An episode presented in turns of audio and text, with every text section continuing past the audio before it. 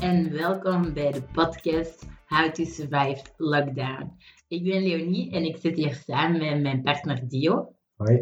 En eh, wij gaan gewoon een korte podcast geven rond onze eigen situatie en een beetje tips geven, omdat we momenteel ons in een heel rare situatie bevinden. Eh, ik denk iedereen een beetje in het land momenteel. Ehm, onze situatie. Dus ik was eigenlijk ziek geworden en iets daarna is Dio ook ziek geworden. Ja, dat klopt. Eh, dus een dag nadat jij zo wat symptomen had, eh, had ik het ook. Eh, maar pas op het einde van de dag, eigenlijk in de avond, die nacht gaan slapen. En dan de volgende ochtend wakker geworden, dus de derde dag dat er zo wat symptomen in ons huis waren, zal ik maar zeggen. maar dan voelde ik het wel echt. Echt zo keelpijn, zo wat druk op mijn longen. Ehm, en met alles wat we zagen in het nieuws natuurlijk, had ik zoiets van, hm, misschien moet ik wel de verantwoordelijke burger zijn en even informeren bij een dokter dat ik hier niets aan het verspreiden ben. Uh, en dus op dat moment hebben we gebeld eigenlijk samen. Ja. Um, en we hoorden van de dokter, eh, die stelde wat vraagjes van, ah ja, oké, en hoe voelt u? En waren de pijn, keelpijn, slijmophoesten? Geen koorts. Geen koorts wel. Ja. Um, en de dokter zei direct van, kijk, vanaf nu moet je niet meer naar buiten gaan.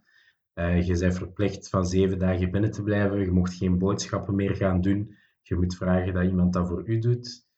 Uh, want als we geen situatie gelijk in Italië willen, dan moet iedereen even zijn verantwoordelijkheid oppakken.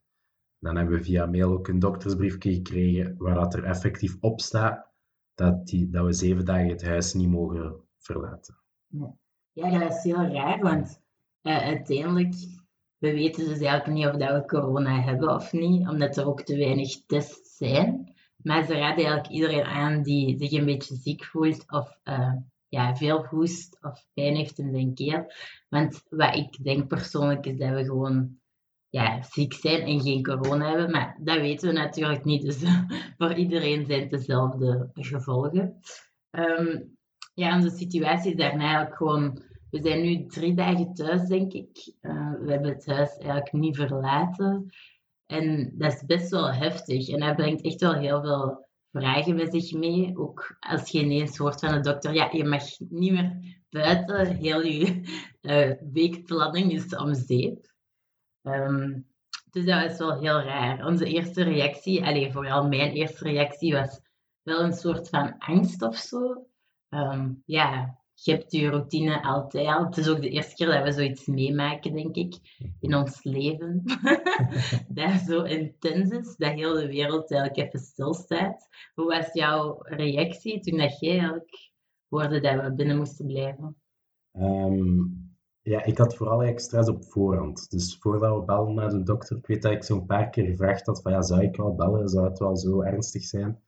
Uh, maar vanaf dat we het nieuws kregen, dan had ik zoiets van ja, weet je, we moeten gewoon onze verantwoordelijkheid oppakken en even binnen blijven. Want ja, als niemand zich aan de regels houdt, dan heeft het niet veel nut dat ze er zijn natuurlijk. En het belangrijkste is, denk ik, dat we de, de zwakkere mensen van de populatie, dat we die toch wel een beetje proberen beschermen. Dus ik had eigenlijk direct zoiets van, oké, hoe kunnen we die zeven dagen organiseren, zodat we niet zot worden terwijl dat we binnen blijven?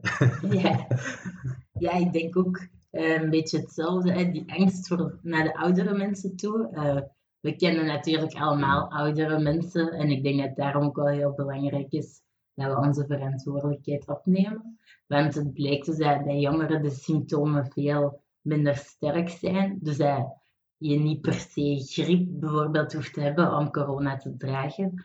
Um, dus daardoor ja, is bijna iedereen hoest wel eens, denk ik, of niest wel eens de komende dagen. Dus we proberen wel echt extra voorzichtig te zijn, want het is wel een heel uitzonderlijke situatie.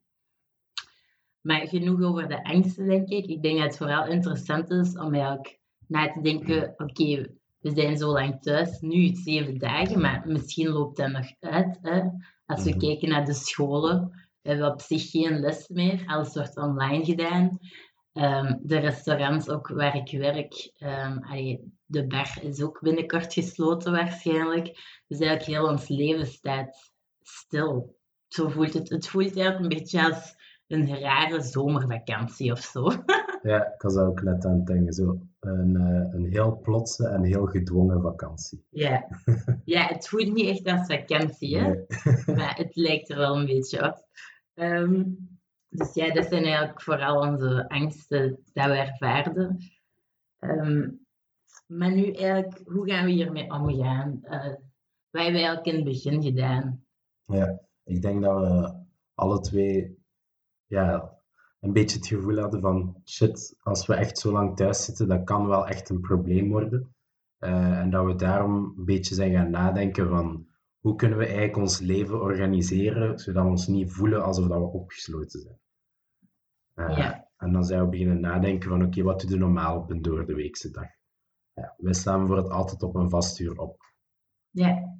ja, ik denk ook dat het belangrijk is om dat aan te houden. Ehm, ja, dat is eigenlijk de structuur, de routines, Ja. dat je eigenlijk sowieso hebt. En want meestal moet je opstaan om naar het werk te gaan, om naar school te gaan.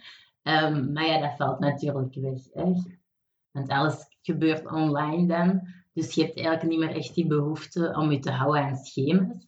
Maar ik denk wel echt dat het goed is om je daaraan te blijven houden. Eh, effectief gewoon op hetzelfde uur opstaan, bed opmaken, je echt aankleden om naar buiten te gaan. Ehm, dat merkte ik ook wel. Want als we in joggingbroek bleven, eh, ja, dan bleef je ook in die laksheid of zo. Het is echt wel belangrijk om je gewoon klaar te maken voor de dag, ook al gaat je niet naar buiten. Ja, inderdaad. Want ook al lijkt het uiterlijk alsof dat het leven even stilstaat, je leven staat eigenlijk niet stil. Dus ik denk De dat... tijd tikt.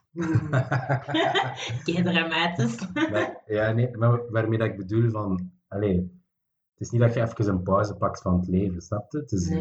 het is echt wel... ik, ik vind het persoonlijk wel belangrijk dat je echt jezelf traint om zo, zo bezig te blijven en te blijven. Bijvoorbeeld als je naar school moet gaan, ah ja, je moet sowieso toch nog studeren. Ik heb bijvoorbeeld binnen twee weken nog altijd examens. Ik weet niet of dat op school zelf gaat zijn. Nee. Of dat ze ietsjes gaan opgeschoven worden. Maar ja, als je alles plots lam legt, dan, dan ik denk die leegte, dat dat vooral het gevaar is. Ja, Als je even vastzit. Dus dat je echt wel, koste wat kost, moet die structuur gaan, gaan houden, zodat je dat niet ervaart. Ja, ik denk ook dat bij die structuur, en we het al over opstaan, hoe belangrijk het eigenlijk is om gewoon op te staan en die routine aan te houden. Ehm, ik denk dat het eigenlijk belangrijk ook is dat je voor jezelf dan een schema of zo opmaakt van oké, van dat uur tot dat uur eh, sta ik op, maak ik mij klaar. Om dat uur ga ik beginnen met effectief voor school te werken. Nu pak ik een pauze, nu lees ik een boek. Ehm, zo van die dingen, dat je dat echt ook voor jezelf opschrijft. Want eigenlijk nu zijn we allemaal onze eigen baas voor een deel en dat zijn we niet altijd even gewoon. Hè? Want vaak komt het van buitenaf. Ehm een van de dingen die mij ook echt opvalt, dat ik belangrijk vind de laatste dagen, is eigenlijk meditatie en yoga. Omdat ik het gevoel heb dat we heel veel druk krijgen van buitenaf. Heel veel mensen zitten met angsten. Mensen gaan hamsteren in winkels om echt gewoon voorraden in te casseren. Ehm, maar dat komt echt wel van een bepaald gevoel. En ik denk dat meditatie, of gewoon even eh, jezelf tot rust brengen door yoga, hè, of eh, dus door meditatie, dat dat effectief heel belangrijk is om even die stress ook los te laten. Ik denk dat iedereen momenteel wel met een bepaalde rare stress zit en niemand echt heel voorbereid is op die situatie. Ja, inderdaad. En dat is ook de reden dat wij dat nu eigenlijk elke ochtend ook zo een half uurtje voor nemen, voor zo even een beetje yoga te doen. Omdat eh, er is heel veel eh, nieuws dat op ons afkomt, heel veel prikkels die op ons afkomen. Eh, dus het is echt wel belangrijk dat je zo een momentje neemt om te zeggen van oké, nu ga ik er even tussenuit. Ja, ja. En zijn er bepaalde manieren hoe, hoe dat... Allee, ik ken bijvoorbeeld, je hebt yoga op YouTube, dat is sowieso een aanrader, vind ik. Dat is makkelijk. Ehm, maar qua meditatie heb jij vooral veel tips, denk ik. Hè? Hoe dat je een paar minuutjes, 10, 20 minuutjes, eigenlijk je hoofd leeg kunt maken. Eh, ja, inderdaad. Ehm, sowieso, net gelijk bij yoga, heb je op YouTube heel veel zo guided meditation. Eh, dus zo filmpjes, of, of ja, dat is dan meer audio, dat ze je echt begeleiden doorheen een meditatieproces. Maar ik denk de makkelijkste manier om eraan te beginnen is gewoon rechtop gaan zitten in een stoel. Beter een stoel dan een zetel, omdat je een beetje een, een, ja, een stevige, vieren houding, noemen ze dat dan, eh, wilt aannemen. Eh, en dan de ogen sluiten en gewoon ademhaling. allee, gewoon letten op je ademhaling, diep in- en uitademen. Niet stressen over gedachten die opkomen, maar gewoon dat laten passeren. Eh, en een timer zetten voor 10 minuutjes bijvoorbeeld, en dan doe je gewoon dat. Eh, dus dat is sowieso een heel goede om, om eens te doen. Ja, een van de eh, dingen die ik ook heb gelezen van meditatie is om eigenlijk inderdaad even te gaan zitten en even te luisteren naar je gedachten en gewoon te denken, wat is de volgende gedachte die ik ga hebben? En eigenlijk als je daarop gaat focussen, ga je eigenlijk merken dat je hoofd een beetje leger wordt, omdat je dan een bepaalde stilte creëert. Dus dat is ook wel echt een, een goede om soms te gebruiken. Ja, inderdaad. Dat is een beetje een trucje om, om te leren wat, wat stilte is. Om, omdat we soms heel veel nadenken en dat er heel veel drukte in ons hoofd is. Dat is zo een kleine mindhack, zodat je die steps ja, kunt ervaren. Ja. Ehm, wat ook nog wel belangrijk vond om mee te geven, eh, zeker nu, we krijgen heel veel prikkels hè, van buitenaf. Ehm, ja, wij ook nu dat we in quarantaine zitten dan, heel veel mensen met vragen die naar ons sturen. Ehm, we merken wel dat het belangrijk is om je gsm soms uit te zetten en ook soms niet naar het nieuws te kijken. Eh, natuurlijk, we moeten op de hoogte blijven van alle informatie, maar zo een paar uurtjes je even afzonderen en even met andere dingen bezig zijn en heel een tijd met ja, de situatie waar we ons momenteel in bevinden. Uh, dat helpt ook wel, want het kan soms heel overweldigend zijn, omdat er constant nieuwe informatie wordt gegeven of mensen ja, met hun eigen emoties dat ook allemaal aan het delen zijn, is het soms echt wel goed om alles even uit te zetten, alle digitale dingen weg te leggen en even gewoon ja, met jezelf te zijn. Ja, inderdaad. Want als je constant aan dat nieuws hangt, dan hoort je altijd maar drastischer en drastischer maatregelen en meer en meer verspreiding. En ik denk hè, dat het grootste probleem voor het grootste deel van de bevolking gewoon de paniek is. Dus als je voor, ik, ik denk als we voor onszelf beslissen van daar al niet in mee te gaan, dat echt al een heel groot deel van de problemen ja, niet bestaat. Ja. Uh, dus dat nieuws even afzetten, even kalmeren, dat kan echt wel, uh, echt wel wonderen doen, denk ik. Ja, ja we hebben nog een paar tips um, die we toch nog willen meegeven. Een van de tips hadden we ook als sporten.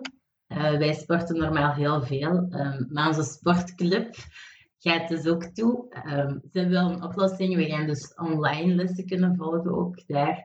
Ook heel fijn, maar ik denk wel dat het belangrijk is als je een kleine ruimte hebt om je te kunnen bewegen, dat je effectief wel oefeningen gaat doen. Hè. In het dagelijkse leven ga je veel meer beweging hebben. Dus je lichaam gaat het ook wel merken als je in een kleine oppervlakte je dagelijkse routine doet. Dus daarom is het heel belangrijk, denk ik, om echt wel wat te sporten ook. Um, ja, kan je ook op YouTube vinden, uiteraard. Een paar oefeningen, boxoefeningen of Mm. um, ik weet niet, fitnessoefeningen of zo. uh, ook wel belangrijk. Dan had ook nog ramen vaak openzetten. Um, ja, natuurlijk als je binnen bent, je hebt wel die frisse lucht nodig. Zet gewoon in de ochtend even al je ramen open. Laat even wat lucht doortrekken. Dat je niet dat opgesloten gevoel creëert. Dat is vooral heel belangrijk. Ja, inderdaad. Het is niet omdat je niet buiten komt dat je geen frisse lucht nodig hebt, natuurlijk. Hè. Uh, en als laatste tip, denken we dat het ook heel belangrijk is om te doen wat je graag doet. Uh, het is nu eenmaal geen leuke situatie dat, dat we even allemaal inzitten, maar dat wil niet zeggen dat we ons niet kunnen amuseren of onszelf een beetje extra verwennen. Ja.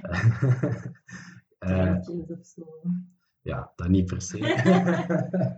en natuurlijk op onze gezondheid letten ook. Ja. Um, maar nee, ik denk dat dat echt wel belangrijk is. Want ja, als je gelijk ons even thuis zit, oké, dat sukt, je mocht niet naar plaatsen toe, maar je hebt ook wel de volledige vrijheid om je dag te organiseren zoals dat je zelf wilt. Dus dat is ook de perfecte kans om zelf even na te denken en te denken van oké, hoe ziet voor mij echt een topdag eruit? En dat is dan de dag die je voor jezelf elke dag kunt maken. Dus is quarantaine echt nog zo erg dan? Ik denk het niet. Nee, dat is waar. Dus eh, ja, dat was het van tips. Ehm, dus ik hoop dat het allemaal goed met jullie gaat uiteraard. En uh, moesten jullie zelf nog tips hebben, laat ons zeker weten. We zijn altijd heel benieuwd. Uh, want we zitten hier nog even, dus we kunnen nog wel wat tips gebruiken natuurlijk. En dankjewel om te luisteren. Doei doei!